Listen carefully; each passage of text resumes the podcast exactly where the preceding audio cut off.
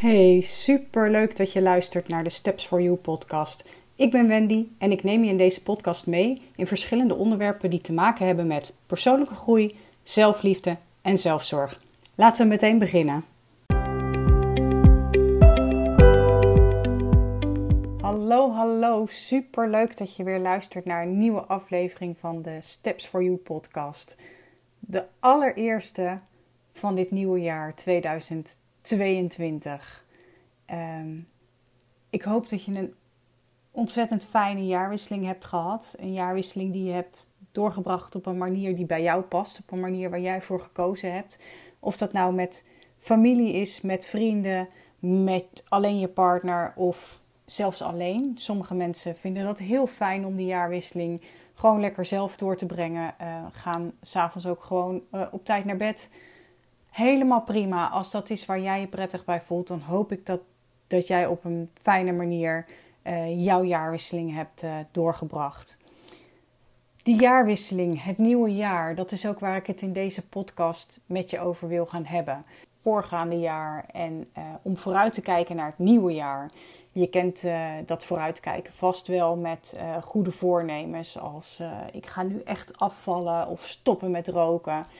Um, misschien heb je ze zelf nog nooit gemaakt, misschien wel, maar je hoort er toch wel heel vaak over. Zelfs de media heeft het er tegenwoordig veel over, omdat er heel veel kanttekeningen gezet worden bij de haalbaarheid van goede doelen veel mensen starten met een goed doel om eigenlijk aan het einde van de eerste maand, of soms zelfs al na het einde van de eerste week, uh, het goede voornemen alweer in de prullenbak te gooien.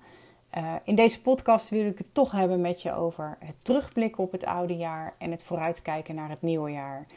Um, het zijn vaak dingen die, die hand in hand gaan. Er wordt door heel veel mensen teruggeblikt naar het voorbijgaande jaar. En dat is op zich ook niet zo gek. Tegenwoordig zijn er al heel veel apps die hierbij helpen. Spotify stuurt je aan het einde van, van het jaar de, uh, de rap, zoals ze dat noemen. Het, het jaar waarin, waarin ze samenvatten waar je veel naar geluisterd hebt. Naar welk genre, welke artiesten, welke nummers. Um, vind ik zelf altijd erg leuk om te kijken. Hoewel het bij mij nooit heel nauwkeurig is, omdat ik met mijn man samen één account deel. Dus het is een beetje een allegaartje van een heleboel dingen. Toch vind ik het erg leuk dat ze dat op die manier doen. Uh, ook Facebook en Instagram blijven niet achter en laten je heel graag je mooiste momenten van het jaar zien. Um, en toch is dit niet voor iedereen uh, terugblik op iets heel moois. Vaak wel op Facebook en Instagram, omdat heel veel mensen daar alleen de mooie en positieve dingen delen. Uh, maar op het moment dat jij uh, worstelt met jezelf, met je werk of met familie of nou, met andere dingen, gezondheid bijvoorbeeld, dan kan terug, terugblikken heel confronterend zijn. Juist omdat je dan vaak alleen die moeilijke of minder leuke dingen uh, ziet. En dat is natuurlijk super begrijpelijk. en die momenten moeten ook zeker niet weggestopt worden. wel ben ik van mening dat het belangrijk is om juist te kijken naar de dingen die wel mooi of goed waren. Uh, en niet omdat uh, je daarbij de minder mooie dingen opheft, helemaal niet zelfs, want die zijn er en dat is niet leuk, maar ze horen erbij. Um, maar door juist naar die mooie momenten te kijken, kun je ook kijken wat je bereikt hebt, welke stappen je gezet hebt. En soms heb je daar best even tijd voor nodig om om die dingen te vinden. Uh, wat heb je goed gedaan? Waar ben je trots op? Of wat heb je bereikt? En dat hoeven echt geen hele grote dingen te zijn. Dat is meteen het eerste punt wat ik wil maken. Um, wanneer jij afgelopen jaar gestart bent met het leren nee zeggen, dan begint dat met één eerste keer. En als jij afgelopen jaar één keer nee gezegd hebt op iets, mag je daar al super trots op zijn. Of uh, het feit dat je na maanden niet geweest te zijn, toch weer naar die sportschool gegaan bent. Dan is dat iets waar je heel trots op mag zijn. Heel vaak leggen wij mensen de nadruk op het feit dat uh, we vijf maanden donateur geweest zijn van de sportschool en de sportschool eigenlijk nooit van binnen hebben gezien. Uh, Maar dat is niet belangrijk. Vergeet dat. Het belangrijkste is dat je weer gegaan bent. En dat is iets positiefs en daar mag je trots op zijn. Dat heb jij gedaan. Uh, daarbij is het dus ook heel belangrijk om onderscheid te maken tussen dingen waar jij zelf invloed op hebt gehad en dingen die buiten jouw invloed liggen. Zo kun je op een jaar terugkijken waarin je baalt dat het heel veel geregend heeft. Maar regen is iets waar je geen invloed op hebt. Kijk dus vooral naar dingen waar jij invloed op hebt, wat jij gedaan hebt. Nee zeggen, uh, toch ergens naartoe gaan. Ook al zag je er heel erg tegenop. Het, dat kan van alles zijn, maar belangrijk is om te kijken naar de dingen die jij zelf uh, gedaan hebt. En uh, door juist te kijken naar die dingen, zelf vind ik dat heel fijn namelijk, zie je wat je gedaan en bereikt hebt. En dat geeft je een goed gevoel en dat geeft je ook kracht om het nieuwe jaar positief tegemoet te gaan. Ook al zijn het kleine dingen, jij hebt dat bereikt en jij kunt dat gaan bereiken. December is voor mij dus altijd een maand waarin ik me heel erg bezig hou met terugblikken. in december kruip ik heel erg in mijn eigen bubbel. Dat is iets waar ik behoefte aan heb. En uh, die momenten gebruik ik ook om te reflecteren. En dat doe ik eigenlijk gedurende de hele maand in, in fases. En uh, ik ga daar echt niet iedere dag voor zitten om het op te schrijven. Een paar keer per maand neem ik een moment om het allemaal voor mezelf uh, op papier te zetten. En dat is een manier die voor mij goed werkt. En die, het is dus belangrijk dat je voor jezelf ook uitvindt wat bij jou past, welke manier bij jou past. En uh, ja, ga het op die manier aanpakken. De andere kant uh, is niet het terugblikken, maar het vooruitkijken naar, uh, naar het nieuwe jaar. Zelf hou ik daar heel erg van, uh, omdat ik dan ook een soort van ehm, handvatten heb voor het nieuwe jaar. En dat is voor iemand zoals ik, die soms best een beetje een, controlfreak kan zijn heel prettig. Um, toch kan doelen stellen voor heel veel mensen heel moeilijk zijn. En zeker wanneer er heel veel speelt in je leven. En ook hierin is het dus heel belangrijk om klein te denken. Uh, je kan als doel willen stellen voor jezelf dat je in het nieuwe jaar 10 nieuwe vriendinnen hebt. Maar ik kan me heel goed voorstellen dat dit enorm overweldigend is. En uh, ja, dat je eigenlijk wanneer je het uitspreekt al het gevoel hebt dat het echt op geen enkele manier haalbaar is. En uh, zo hoor ik ook heel vaak uh, het doel: ik wil in 2022 gelukkig zijn of gelukkig worden. En dat is natuurlijk een super fijn doel en tegelijkertijd ook helemaal niet. Want hoe doe je dat dan? Dat is van zoveel dingen afhankelijk.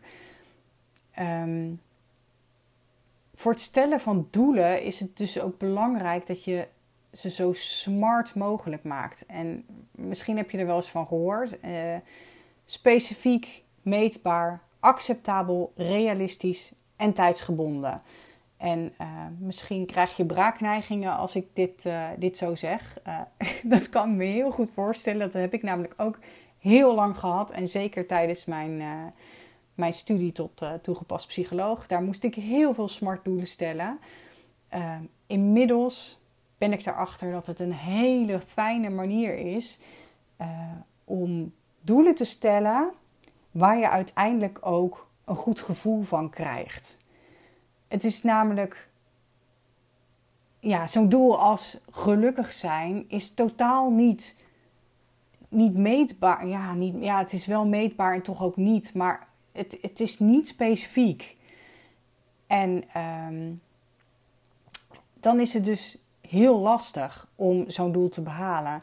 Dus wat ik net zei bij het terugblik, is het ook bij het stellen van doelen heel belangrijk om te kijken naar de dingen waar jij invloed op hebt. Uh, je kunt een doel stellen waarbij je hoopt dat een ander dingen gaat doen waar jij blij van wordt. Bijvoorbeeld jou bellen of je meevragen naar een feestje. Maar dat gaat je niet helpen, want jij hebt geen invloed op wat een ander doet. Hoe begrijpelijk het ook is dat je die dingen heel graag wilt, je hebt ze niet in de hand. Dus ik ben er heel erg voorstander van om smart doelen te stellen, maar vooral ook kleine en behapbare doelen. Uh, voor mij betekent dit bijvoorbeeld dat ik maanddoelen en kwartaaldoelen stel om het behapbaar te houden. Want uh, wees eerlijk, een doel waarbij je vier keer per maand iets wil doen, klinkt al veel minder groot dan het stellen van een doel waarbij je 48 keer per jaar iets wil doen. Of niet soms. Terwijl het eigenlijk hetzelfde is, maar vier keer per maand.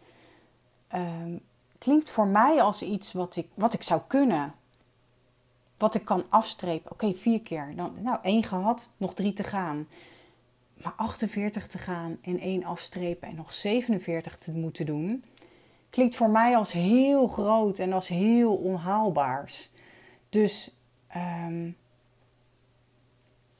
hou het klein. En specifiek. Dus, dus zorg dat je doelen stelt die je ook echt kunt afstrepen. Uh, waarbij je echt kunt tellen van oké, ik heb er vier, nu nog drie te gaan, nu nog twee te gaan. En dat maakt ook dat het, dat het uiteindelijk leuk wordt om die doelen te gaan behalen.